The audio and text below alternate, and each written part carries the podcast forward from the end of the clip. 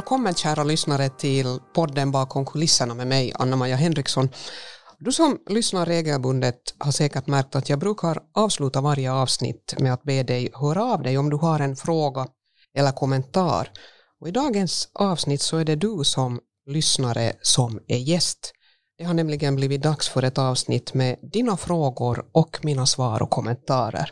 Och med mig i studion så har jag som vanligt poddens professionella frågeställare Ted Urho som har hållit koll på frågorna som har kommit in. Hej Ted, hur, vi, hur, hur det där ser det ut? Ska vi köra igång? Har vi något att svara på? Vi har Anna-Maja en massa frågor att svara på. Jag vill bara säga att det är jätteroligt att få göra podd med dig på Tumis också. Vanligtvis brukar jag sitta och titta på när du pratar med, med intressanta människor, men det är kul att få vara med också. Absolut, jag tycker också det är jättekul.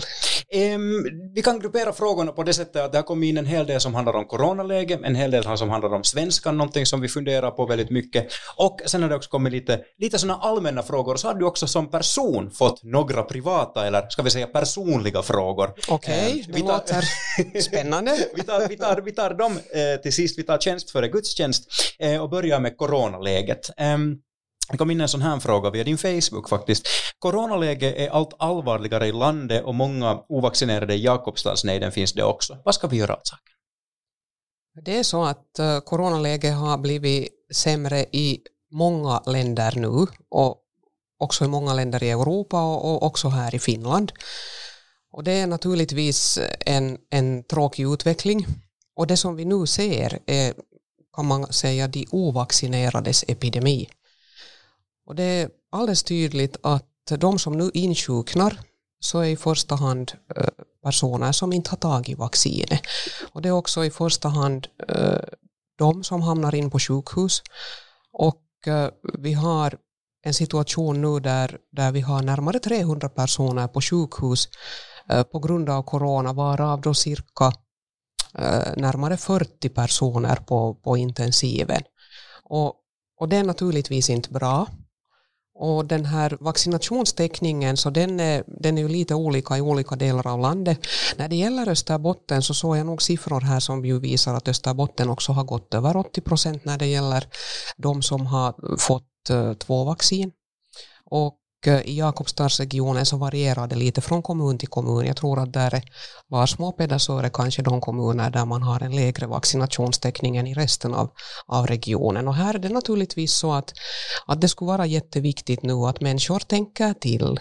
Att varför har man då inte velat ta vaccinet? Att man inser det att eh, för sin egen del så tar man också en risk om man inte vill ta vaccinet. För att risken att insjukna i corona om man är ovaccinerad så är faktiskt jättestor och våra medicinska experter säger att alla egentligen som inte har vaccin eller redan har, har insjukna så kommer att insjukna. Och samtidigt är det ju också så att risken att dessutom bli riktigt svårt sjuk är mycket, mycket högre om du är ovaccinerad. Så att man kan ju också insjukna i corona fast man har fått två vaccin. Men allt visar att man insjuknar mycket lindrigare och, och klarar sig med betydligt, betydligt lindrigare symptom. Så att det vad vi nu försöker göra och det här gör, det arbetet görs ju i alla våra sjukvårdsdistrikt och på all, i, i, alla kommuner är att man fortsätter att upplysa människor uh, och, och jag tror ju att skulle det vara möjligt så borde man väl kanske börja ringa upp folk eh, och, och uppmana att ta vaccin ifall man inte har redan gjort det. Det som, det som man också behöver se till är att det är lätt att komma till en, ett ställe där man kan få vaccin och därför är just sådana här typ, ska vi kalla den pop-up vaccinationsställen som kan finnas i samband med köpcenter och annat så är också viktigt. Och, och, det säger också nu hälsovårdspersonalen och expertisen att, att Eh, bland, bland eh, eh, vi ska säga, människor som har flyttat till Finland från andra, andra länder så är också den här vaccinationstäckningen nu lägre. Och, och där handlar det kanske också om kommunikation, det kanske också handlar om Eh, det att man har dåliga erfarenheter från sitt hemland, man litar inte så mycket på myndigheter och så här. Och där finns, där finns det jobb att göra. Men sen har vi också människor som helt enkelt inte bara får sig iväg dit till den där vaccinationen, man bara får inte gjort. Och sen finns det förstås de som är, som är rent ut sagt vaccinmotståndare som, som inte under några omständigheter vill ta vaccinet. Men, men jag tror att i den här kategorin som ännu inte tagit vaccin så finns det många olika typer av människor. Och därför så är det viktigt nog att vi fortsätter med att upplysa och tala om vikten av att man låter vaccinera sig. Hur tror du att vi ska det som jag tycker är intressant när man följer med den offentliga diskussionen, att det, det är både fingerpekande och så är det mm. diskussion om att vi ska inte peka finger och vi, vi använder liksom väldigt mycket olika sätt och olika ord att belysa situationen från olika perspektiv. Hur tror du att vi ska liksom sen fortsätta tillsammans från det här? Tror du att vi, vi kommer att hitta varandra? Det är bara på det sättet att vi, vi ska ju leva i det här samhället tillsammans. Och, och jag tror att, att det finns all orsak att, att eh, då för, föra en dialog. Sen finns det ju många länder där man har tagit nu till ganska drastiska åtgärder och det, det kan i sin tur sen göda andra typer av motsättningar och, och negativa effekter för samhället. Men, men eh, jag vill ju ännu fortsättningsvis tro på det att, att, att människor nog ännu lyssnar på myndigheterna. Och sen är det ju så att det här coronapasset som eller covid-19 intyget som vi nu har att det kommer nog att behöva användas nu mera eh, när smittotalen stiger, det vill säga att, att man sen på evenemang och tillställningar kommer att börja kräva det här eh, för, att, för att då inte hamna att, att liksom, har ha sina evenemang med väldigt mycket färre besökare. Och så här, och det gäller också idag i många, många områden i Finland så har vi också restaurangbegränsningar där där restaurangerna själva då kan välja att, att eh, ta dem in en mindre del kunder eller, eller kräver då de, det här coronapasset av, av besökarna. Och den här situationen kommer vi nog att säkert få leva med ännu en tid. Mm. Här kommer, här kommer också en fråga som handlar, nu får du Anna-Maja plocka fram din spåkula. Um, tycker du att regeringen gjorde rätt då ni öppnade upp Finland efter coronan och nu igen är tvungna att börja stänga ner? Det här är ett sånt här mm. Jopas Eipas. No, det finns ju aldrig något rätt svar. Jag tror att vi med den information vi då hade så gjorde vi rätt då. Nu var ju, man måste ju minnas det att vaccinationstäckningen var redan i det skede när vi började öppna upp så var den ju nog, vi var bra på gång. Och vi ser det också från andra länder, man kan titta till exempel på, på Danmark, att, att eh, där har man ju en högre vaccinationstäckning än vi. Eh, eh, man har ändå en, en, en större smittospridning. Det kan också bero på att man där öppnade upp tidigare. Men sen kan vi titta på Sverige där man har en, en situation nu som är nästan bäst i Europa. Och och, och, och, det visar ju bara liksom hur svårt det är att förutspå någonting. Eh, Sverige har ungefär samma vaccinationstäckning som Finland idag, men det som ju skiljer oss åt är det att i Sverige har man mycket fler människor som har insjuknat redan i, i den här sjukdomen och, och, och dessvärre har man ju också mycket fler dödsfall. Men just nu så är ju coronaläget i Sverige också betydligt bättre än i Finland. Så att det här Jopas, ejpas, gjorde man rätt, gjorde man fel. Vi måste, vi måste börja lära oss leva med det här viruset, det är bara så. Och därför så söker vi nu de här lösningarna där, där det här coronapasset är en del av lösningen.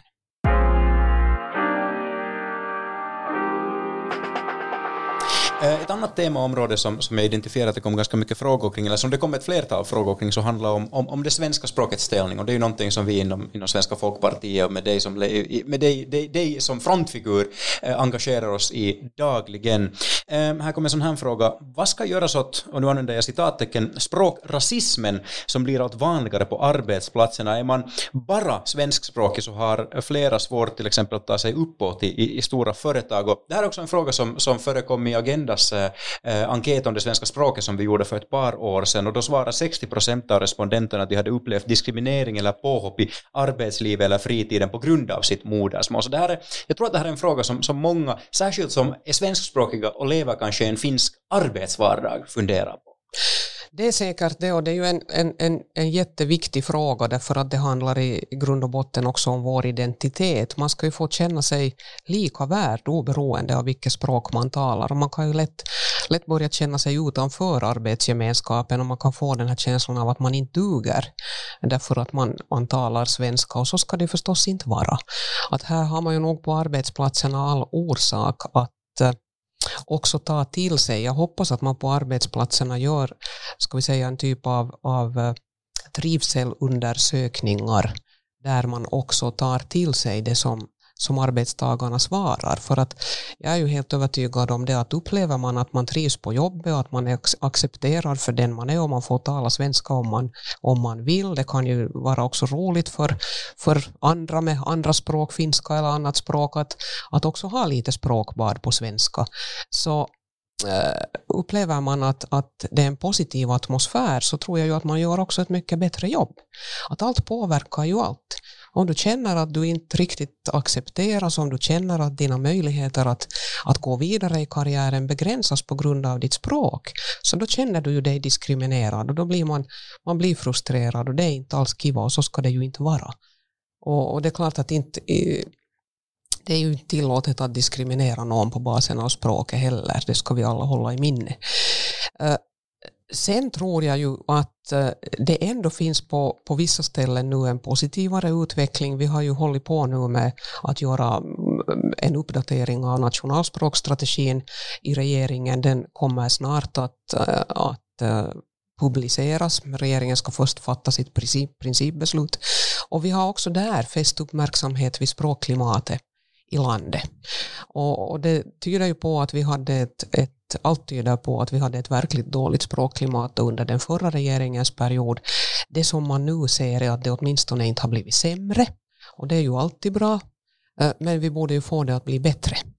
Och det finns det förutsättningar till. Jag tycker ju att, att inställningen överlag till svenskan har, har lite blivit bättre, men inte förstås överallt. Så att här är också den här ska vi säga, subjektiva upplevelsen, det som man ser i sin egen vardag, så, så det är ju den verklighet man lever i och, och den läsare som har, eller lyssnare som har skickat in den här frågan så, så har säkert eh, alldeles rätt. Att så här upplevs det på min arbetsplats. Men jag skulle vilja ge också lite råg i ryggen att, att gå också till chefen och säga att det här är inte okej. Okay.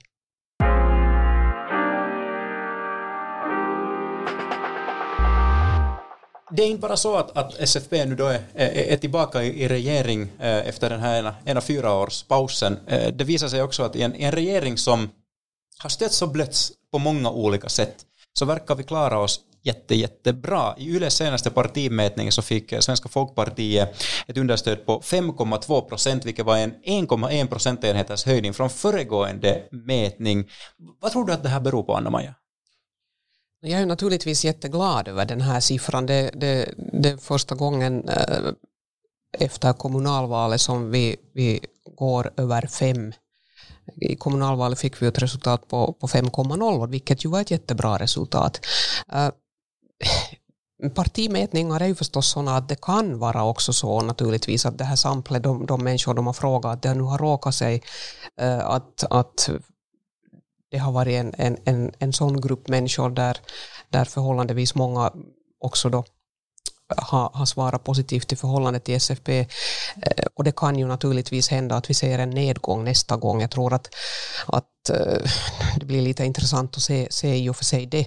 Men jag har nog också på känn att eh, ganska många ändå har varit nöjda med, med det arbete vi har gjort i regeringen därför att vi är otroligt resultatinriktade. Vi har lyckats höja hushållsavdragen nu, det kommer i kraft nästa, nästa år. Det finns många saker där SFP har visat, visat, visat på att man är, man är konsekvent och man, man håller på sina värderingar. Eh, flyktingkvoten kommer också nu att höjas. Eh, vi har just eh, fått ett beslut i regeringen där vi också ska se till nu att det kommer mera pengar för att vi ska kunna ha en svenskspråkig brandmannautbildning vilket vi inte har haft på, på åratal i det här landet.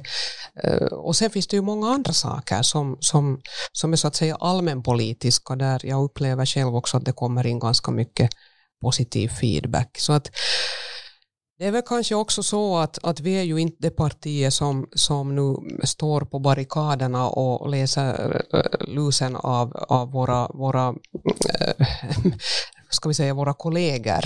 Och det, det är, tycker jag själv inte är ett konstruktivt sätt att, att göra politik, utan, utan jag brukar säga så här att, att har man olika åsikter internt i regeringen, då ska man också eh, då ska man liksom ta den diskussionen internt i regeringen, inte, inte på mediaspalter.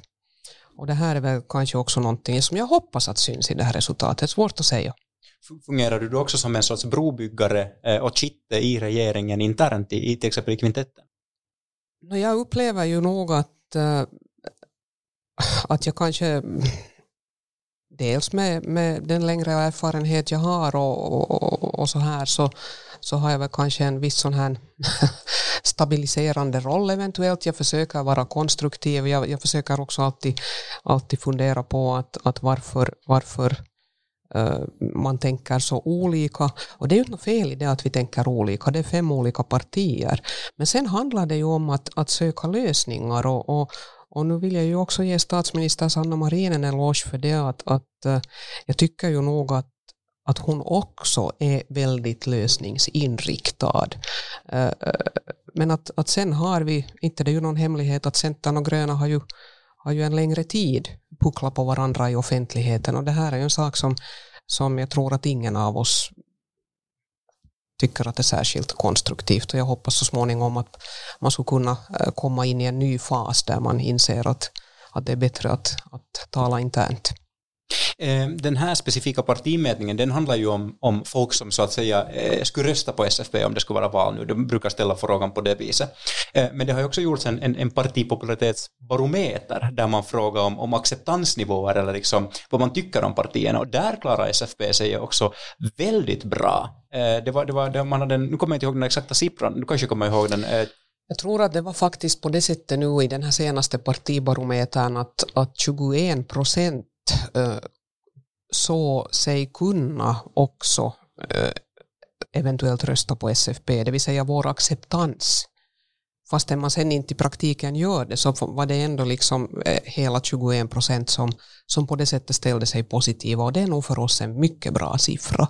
Att, eh, tidigare så där, vi kan väl säga att ungefär så där för en, en tio år sedan så, så låg vi liksom 10-11 procent enheter lägre. Och det här är ju det här är anmärkningsvärt och den här trenden har hållit i sig nog de här senaste, senaste tre åren. Betyder det här också att, tror du att det betyder att vi, vi, kommer, vi når bättre fram på, på finskt håll? Jag tror att vi har börjat nå bättre fram på finskt håll och jag tror också det att, att äh, också finsk äh, riksmedia har ju, har ju liksom uppmärksamma oss eh, på, på ett annat sätt kanske nog nu de här senaste åren. Och, och en del hade naturligtvis också hjälpt att, att jag har haft den här justitieministerposten och, och det har varit många som har varit intresserade av mina åsikter i olika frågor och speciellt, speciellt under coronatiden men också nog annars. Och ur ett liberalt perspektiv så har du ju försvarat just rättsstaten och individens rättigheter väldigt mycket, där som andra har krävt, eh, ännu då vi tänker tillbaka till coronavården så var det ju många som var uppe på barrikaden och krävde att nu ska vi stänga hela landet och alla ska sitta hemma. Och då poängterar du just det, att det är viktigt att, att vi får inte bryta mot individens rättigheter. Nej, men det är ju just så här och det är ju, det, det tror jag att, att alla också internt i regeringen vet att, att eh, det sitter liksom i min ryggrad. Man måste vara otroligt försiktig när man börjar begränsa människors rättigheter. Eh, för att det handlar liksom om, om, om våra värderingar i, i slutändan och, och Finland är ett demokratiskt land som baserar sig på, på demokrati, mänskliga rättigheter och, och, och också, också det där respekt för rättsstatsprincipen som vi kallar det. Det har kommit en fråga kring det här ännu, och det är faktiskt en fråga som kom in på finska. Otetaanko suomeksi? Miten puolueessa suhtaudutaan suomenkielisiin ehdokkaisiin, Anna-Maja? Joo, se on hyvä kysymys. Me suhtaudutaan hyvin lämpimästi myös suomenkielisiin ehdokkaisiin ja meillä on ollut myös edellisissä kuntavaaleissa suomenkielisiä ehdokkaita, kaksikielisiä ehdokkaita, saamenkielisiä ehdokkaita. Eli mm, olen ollut iloinen siitä, että, että, että myös, myös tuota, nämä edelliset vaalit ovat näyttäneet sen, että, että meille halutaan tulla. Ja näen sen myös niin, kun mennään kohti, kohti aluevaaleja, että, että tämä pätee edelleen. Ja RKP on liberaali puolue, johon kaikki ovat tervetulleita, jotka, jotka myös ajattelevat niin kuin me ajattelemme ihmisarvosta, demokratiasta ja oikeusvaltioperiaatteesta ja yrittäjyydestä.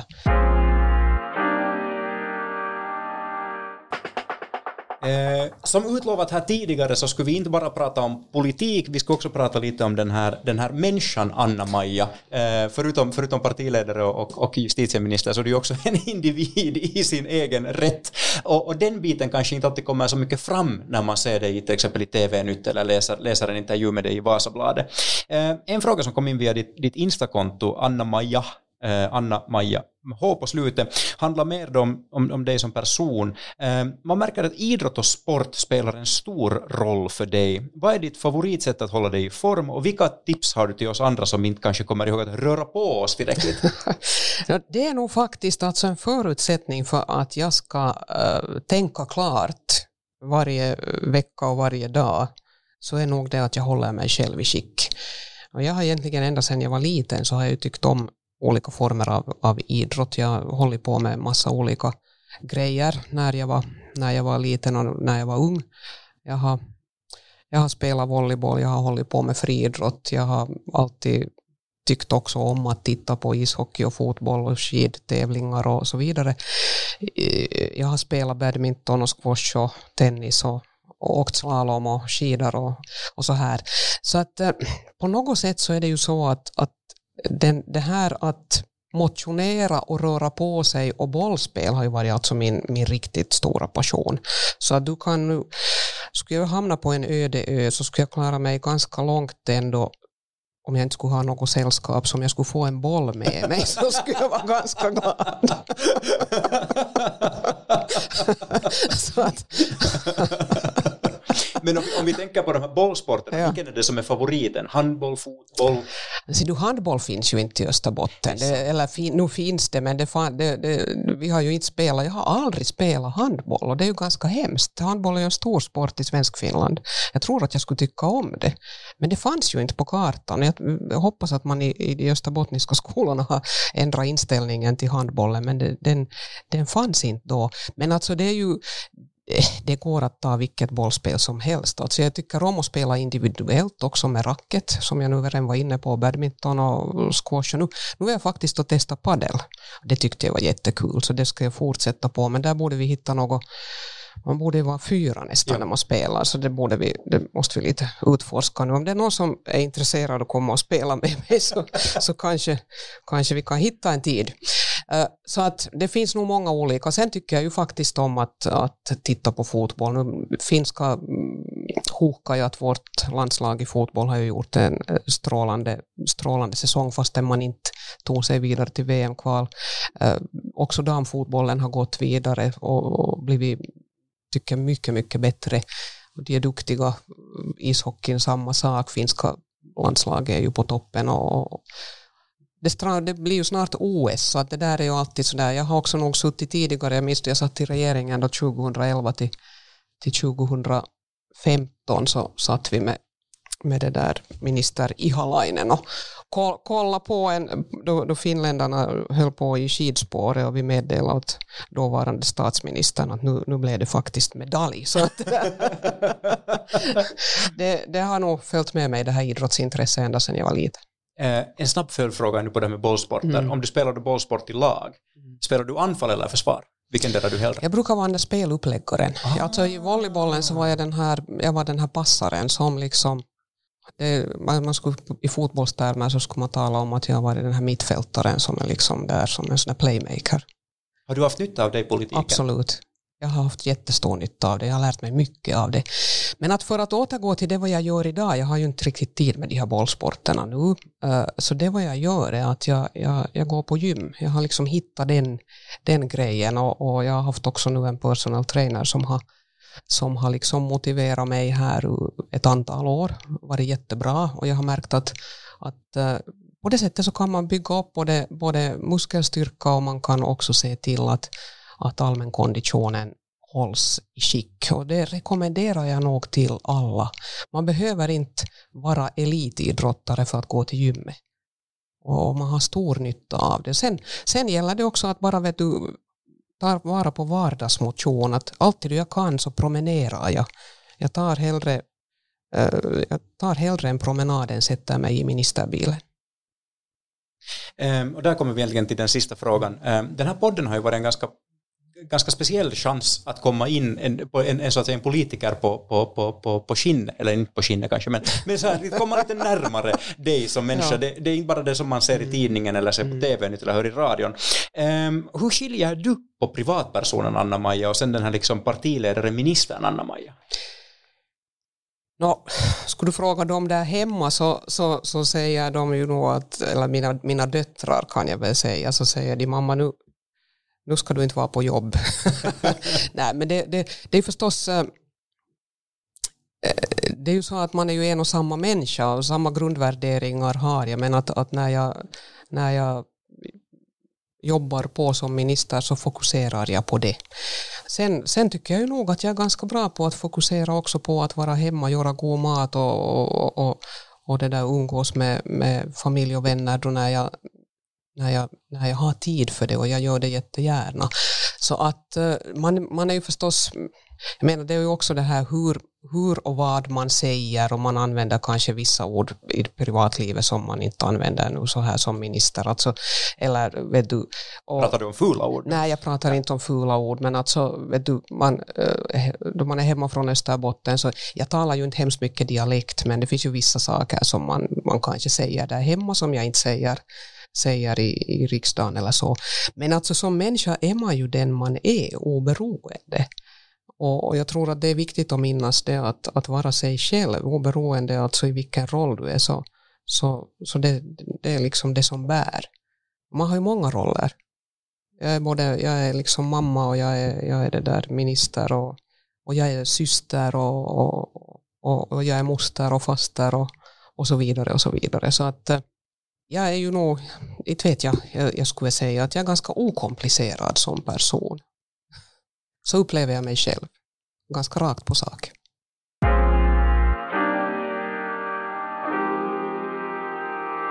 Ja, där tror jag att det blir bra att avsluta nu för idag och det var roligt att prata om lite annat också än, än om politik, även om, om politiken ju är jätteviktig och, och den är ju faktiskt en stor del av mitt liv.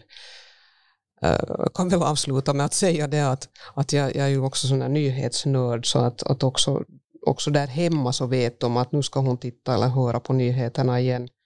Och, och där får jag ibland bita mig liksom själv i tungan att jag faktiskt kanske inte måste se varenda nyhetssändning.